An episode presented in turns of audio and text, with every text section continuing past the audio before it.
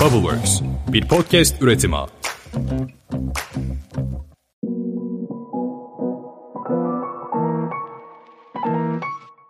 Merhabalar herkese. Start Point'in yeni bölümüne hoş geldiniz. Benim ismim Belen ve Start Point bir girişim serüvenini baştan sona ele aldığım podcast. Eğer bu Start Point'te dinlediğin ilk bölümse bence önceki bölümleri de dinlemende bir fayda var. Çünkü bir bütün olarak ele alıyorum ben bu podcast'i ve bu bölümlerde bir bütünün parçası aslında. Bu bölüm pazar araştırması nasıl yapılır? Girişimler pazara çıkmadan önce neleri araştırmalıdır? Fikirlerini teyit ettikten sonra ne gibi basamakları izlemelidir? Bunlardan bahsedeceğiz. Zaten ikinci bölümde yani fikri teyit etme bölümünde anketlerden, çevrene sorup soruşturmaktan, nasıl anket yapılırdan biraz bahsetmiştim. Pazar araştırması da bunun devamı gibi bir bölüm olacak aslında. Daha profesyonel şekilde olayı ele alacağız. Yakınlarımızdan ziyade.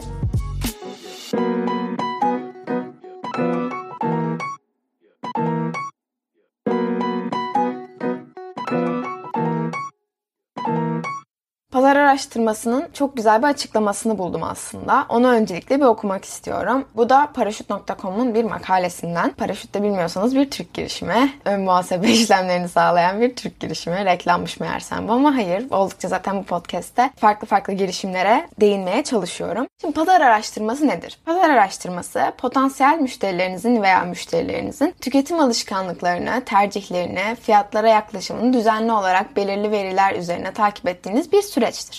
Pazar araştırması sayesinde ürününüzün potansiyel pazarı hakkında veriler toplar ve en iyi şekilde sunmak için zemin hazırlarsınız. Yani aslında pazar araştırması hazır olmayan bir şekilde bir girişimi biz canlıya çıkarmak istemeyiz. Gerçekten bir girişimin pazarda yeri var mı? Tüketici buna hazır mı? Tüketici ne gibi fiyatlar vermeye hazır? Ya da tamamen freemium mu kullanmak istiyor bu ürünü? Biz nasıl bir gelir sağlayabiliriz bu girişimden? Nasıl bir gelir sağlayabiliriz bu iş modelimizden? Hatta iş modelimizi nasıl kurgulamalıyız? Personamızı nasıl belirlemeliyiz? Hedef kitlemiz ne gibi olmalı sorulara bir ön hazırlık pazar araştırması yapmak. Ve pazar araştırmaları nasıl yaparız aslında?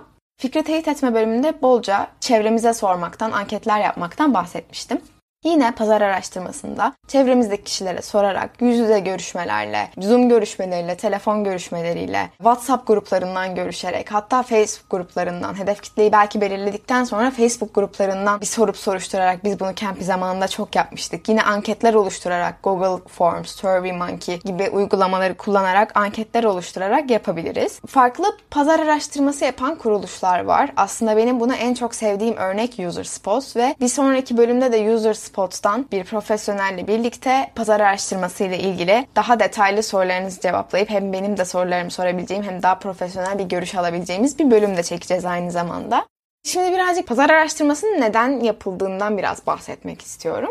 Pazar araştırması hazır olmayan bir ürünü sahaya çıkarmak istemeyiz. Live'a çıkmak istemeyiz. Çünkü daha önceki bölümlerde de bahsettiğim gibi her girişimci birazcık fikrine ilk etaplarda aşıktır. Ve fikrinin çok biricik ve çok güzel olduğunu, herkesin o fikri kullanmak için can attığını, herkesin ona para vermek için can attığın yanılgısına kapılabilir. Ve bu aslında dediğim gibi sadece bir yanılgı. Biraz gerçekleri görmek adına, pazar gerçekten buna hazır mı, insanlar para vermeye hazır mı bunu görmek adına pazar araştırması yaparız. Bu da bizi mümkün olduğunca MVP'yi hazırlamadan önce çok para kaybetmememize sebep olur diyebilirim. Pazar araştırması yapmadan bir işe başlıyorsan büyük ihtimalle çok büyük bir risk alıyorsun demektir. Eğer müşterin hazır değilse, pazar buna hazır değilse para vermeye, belki MVP'ni hazırlarken çok büyük para kaybedeceksin ya da direkt MVP aşamasını atladın, direkt ürünü oluşturdun. Bir baktın müşterilerin hazır değil sana para ödenmiyor. Sizin ürününüzü pazara sunmanızın zamanının çok önemli olduğunu açıklayan bir kavram var. İsmi de time to market. Zaten Türkçesini çok detaylı bir şekilde bulamadım kaynaklarda ama İngilizcesini mutlaka yazarak bakabilirsiniz. Kendiniz de çevirebilirsiniz. Pazara sunma süresinin bu kadar da önemli olmasının nedeni geç kalmış ürünleri tabii ki satmak çok zor ama aynı şekilde pazara çok erken çıkan ürünlerin de kullanıcı hazır olmayabilir. Onları da satmak ilk etapta çok zor olabilir. Bu yüzden time to market çok önemlidir. Gelelim pazar araştırmasına. Pazar araştırmasında biz ne gibi sorulara cevap arıyoruz? Şimdi müşterilerimiz kim? Bize kim para verecek? İlk başta bunu bir belirlememiz gerekiyor. Bununla birlikte müşterilerimiz bize nereden ulaşabilir ve biz müşterilerimize nereden ulaşabiliriz? Bu müşteri dediğim kısmı her zaman kullanıcı ya da müşteri olarak düşünebilirsiniz. Çünkü eğer bir hani appseniz bir uygulamaysanız userlarınız vardır müşteriden ziyade. Müşterilere nasıl ulaşırım? Müşteriler bana nasıl ulaşır? Burada müşterinin kullandığı kaynaklar ve senin müşteriye ulaşırken kullandığın kaynaklar nelerdir? Bu arada bu sorular çok teorik geliyorsa şu an size merak etmeyin. Hepsini bir örnek girişim üzerinden teker teker cevaplandıracağım zaten bütün soruları ele aldıktan sonra. Bu pazardaki temel aktörler kimler? Burada da rakiplerin biraz devreye girecek. Hangi rakipler var pazarda, hangi ürünler var? Zaten rakip araştırması veya ürün araştırması bölümünde de bunlara çok detaylı değineceğim. Bu nedenle podcast'ı hep bir bütün olarak görüyorum. Neredeyse bütün bölümler iç içe yani burada. Rakip analizi bölümünde değineceğiz dedim. Pazardaki rakiplerin kullanıcılara veya müşterilere sunduğu ürünler neler? Yani sizin rakibinizin sunduğu ürünler neler? Bunlar müşteriye sunulu diyelim. Peki bunlar gerçekten müşterinin ihtiyacını karşılıyor mu? Yoksa bir yerde eksik mi kalıyor? Nerelerde eksik kalıyor? Bunlara bakmak lazım. Tam burada yine anketler devreye girebilir. Müşterilere bu bağlamda yine anketlerde sorular yöneltebilirsiniz. Tabi burada şey demeyin lütfen ankette. Böyle böyle bir ürün olsa buna para verir miydiniz? Böyle bir ürün olsa buna ne kadar para verirdiniz gibi değil de burada birazcık müşterinin ihtiyaçlarını ve davranışlarını anlamaya yönelik sorular sorabilirsiniz. Ya da hani böyle bir ürün kullanıyor musun? Böyle bu ürün kullanırken nelere dikkat ediyorsun? hangi rakip firmaları kullanıyor? Rakip firmaları deme lütfen de burada rakipleri araştırdıktan sonra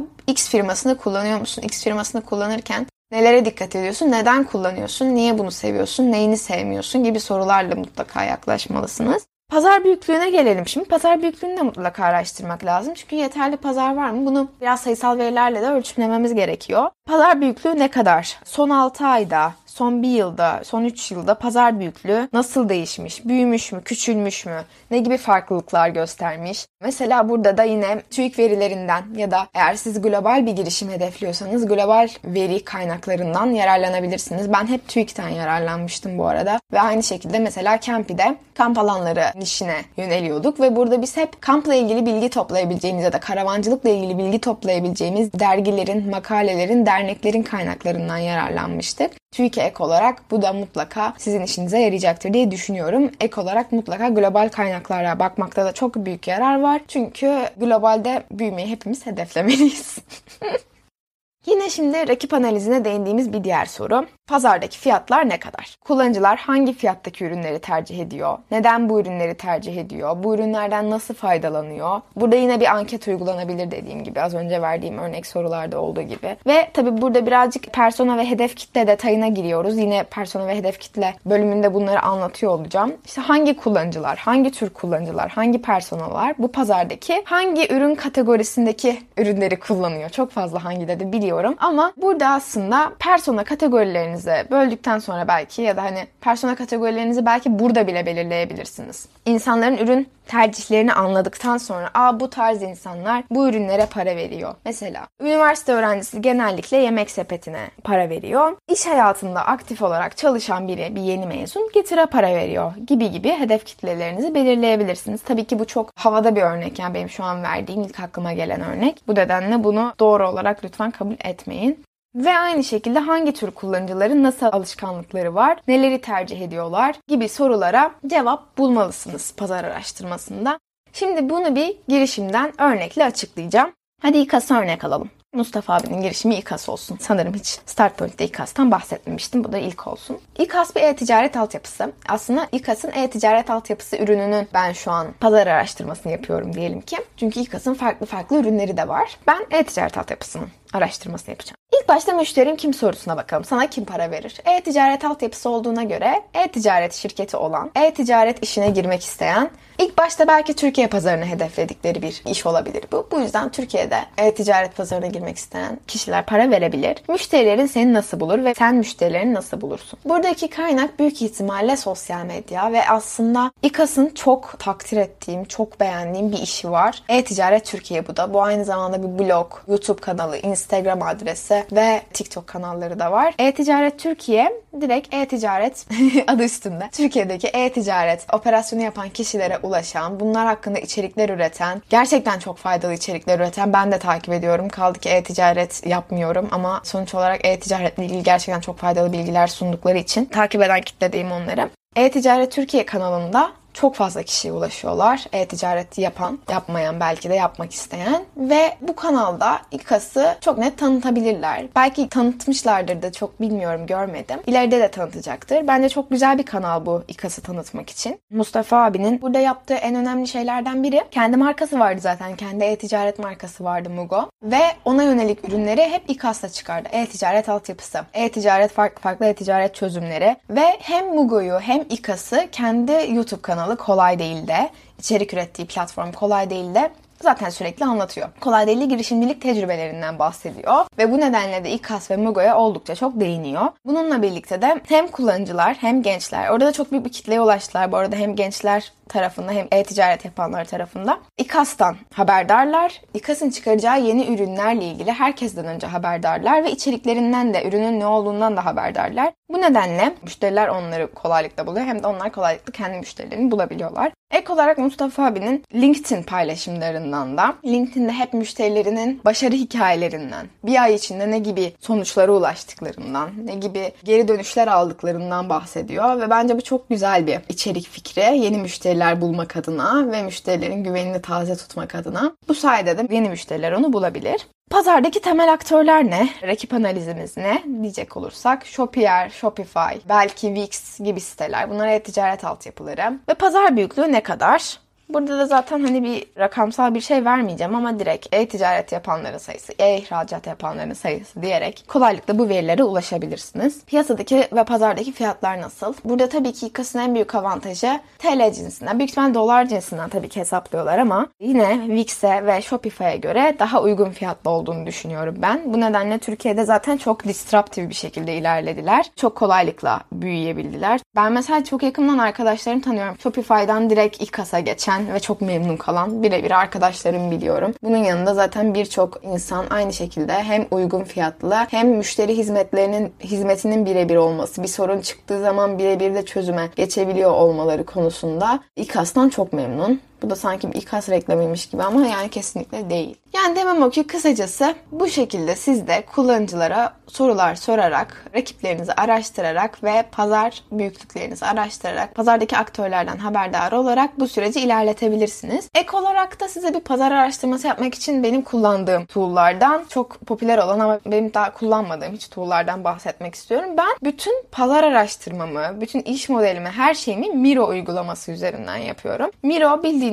arkadaşlarınızla oturdunuz, ortaklarınızla oturdunuz bir brainstorm yapacaksınız. Bir sürü fikriniz var ve Miro gerçekten inanılmaz güzel çalışan bir uygulama burada. Pazar araştırmasına uygun template'leri var. iş modeli üzerine template'leri var gibi gibi böyle bizim Campy üzerine aynı şekilde Lost and Found'da da vardı. Campy üzerine kocaman bir Miro dashboard'umuz var. Biz aklımıza gelen bütün her şeyi Miro üzerinden yapıyoruz. Anket olarak zaten Google Docs, Google Docs'un Forms özelliği, anket özelliği ve SurveyMonkey kullanabilirsiniz ve Typeform ben Typeform kullanmadım hiç. Typeform da aynı şekilde anket yapmaya yardımcı olacaktır. Araştırma yaparken en çok kullandığım uygulamalardan biri Google Trends. Google Trends zaten bir kelime grubu ya da bir kelime öbeği araştırdığınızda onun ne kadar popüler olduğunu son 4 yıl, 10 yıl hatta içinde popüler olduğu, pik yaptığı zamanları görebileceğiniz bir uygulama. Aynı şekilde o kelime öbeğiyle ilgili makaleleri sizin önünüze çıkarıyor. Onunla ilgili gerekli bilgileri önünüze çıkarıyor. Ben bayağı seviyorum Google Trends'i. Ödevlerimde de çok kullanıyorum hatta. Bunun yurt dışı ayağı için Hootsuite'i çok tercih ediyorum. Hootsuite'de de aynı şekilde rakiplerinizi girebiliyorsunuz dashboard'a. O rakiplerin tüm gün içinde çıkardığı içerikleri görebiliyorsunuz. Ben biraz daha pazarlama tarafında da olduğum için içerik görmeyi seviyorum. İçerikleri görebiliyorsunuz. On, rakiplerle ilgili haberleri görebiliyorsunuz. Paralı bir uygulama, ücretli bir uygulama ama ücretsiz sürümünde de birçok özelliğinden yararlanabiliyorsunuz. Çok detaylı olmasa bile analizlerinden yararlanabiliyorsunuz. Bir de Google Insight Dashboard var ama bunun Türkçesi maalesef yok. Ama mutlaka İngilizce biliyorsanız işinize yarayacaktır. Yani sizin araştırdığınız verilerle ilgili insight'lar bulacaksınızdır diye düşünüyorum. Pazar araştırmasına direkt Google'a neyi merak ediyorsanız yazın. Önünüze çıkan bütün makaleleri tarayın. TÜİK verilerini tarayın. TÜİK raporlarını tarayın. Ek olarak en çok işinize yarayacak şeylerden biri bence burada danışmanlık şirketlerinin yıllık raporlarını, e-ticaret raporlarını, sizin alanınızla ilgili mutlaka danışmanlık şirketleri, McKinsey, Deloitte, işte Ernst Young gibi danışmanlık şirketleri raporlar yayınlamıştır. Bunları mutlaka incelemelisiniz deyip bölümü sonlandırıyorum. Eğer Bu bölüm hoşunuza gittiyse arkadaşlarınıza lütfen paylaşın. Çok destek olursunuz arkadaşlarınıza paylaşarak. Eğer bir sorunuz varsa, bir feedbackiniz veya bir öneriniz varsa bana sosyal medya hesaplarından ulaşabilirsiniz. Açıklamalar kısmında bütün sosyal medya hesaplarım ve Patreon linkim var. Beni de daha fazla desteklemek isterseniz Patreon'dan destek olabilirsiniz. Çok teşekkür ediyorum. Bir sonraki bölümlerde görüşmek üzere.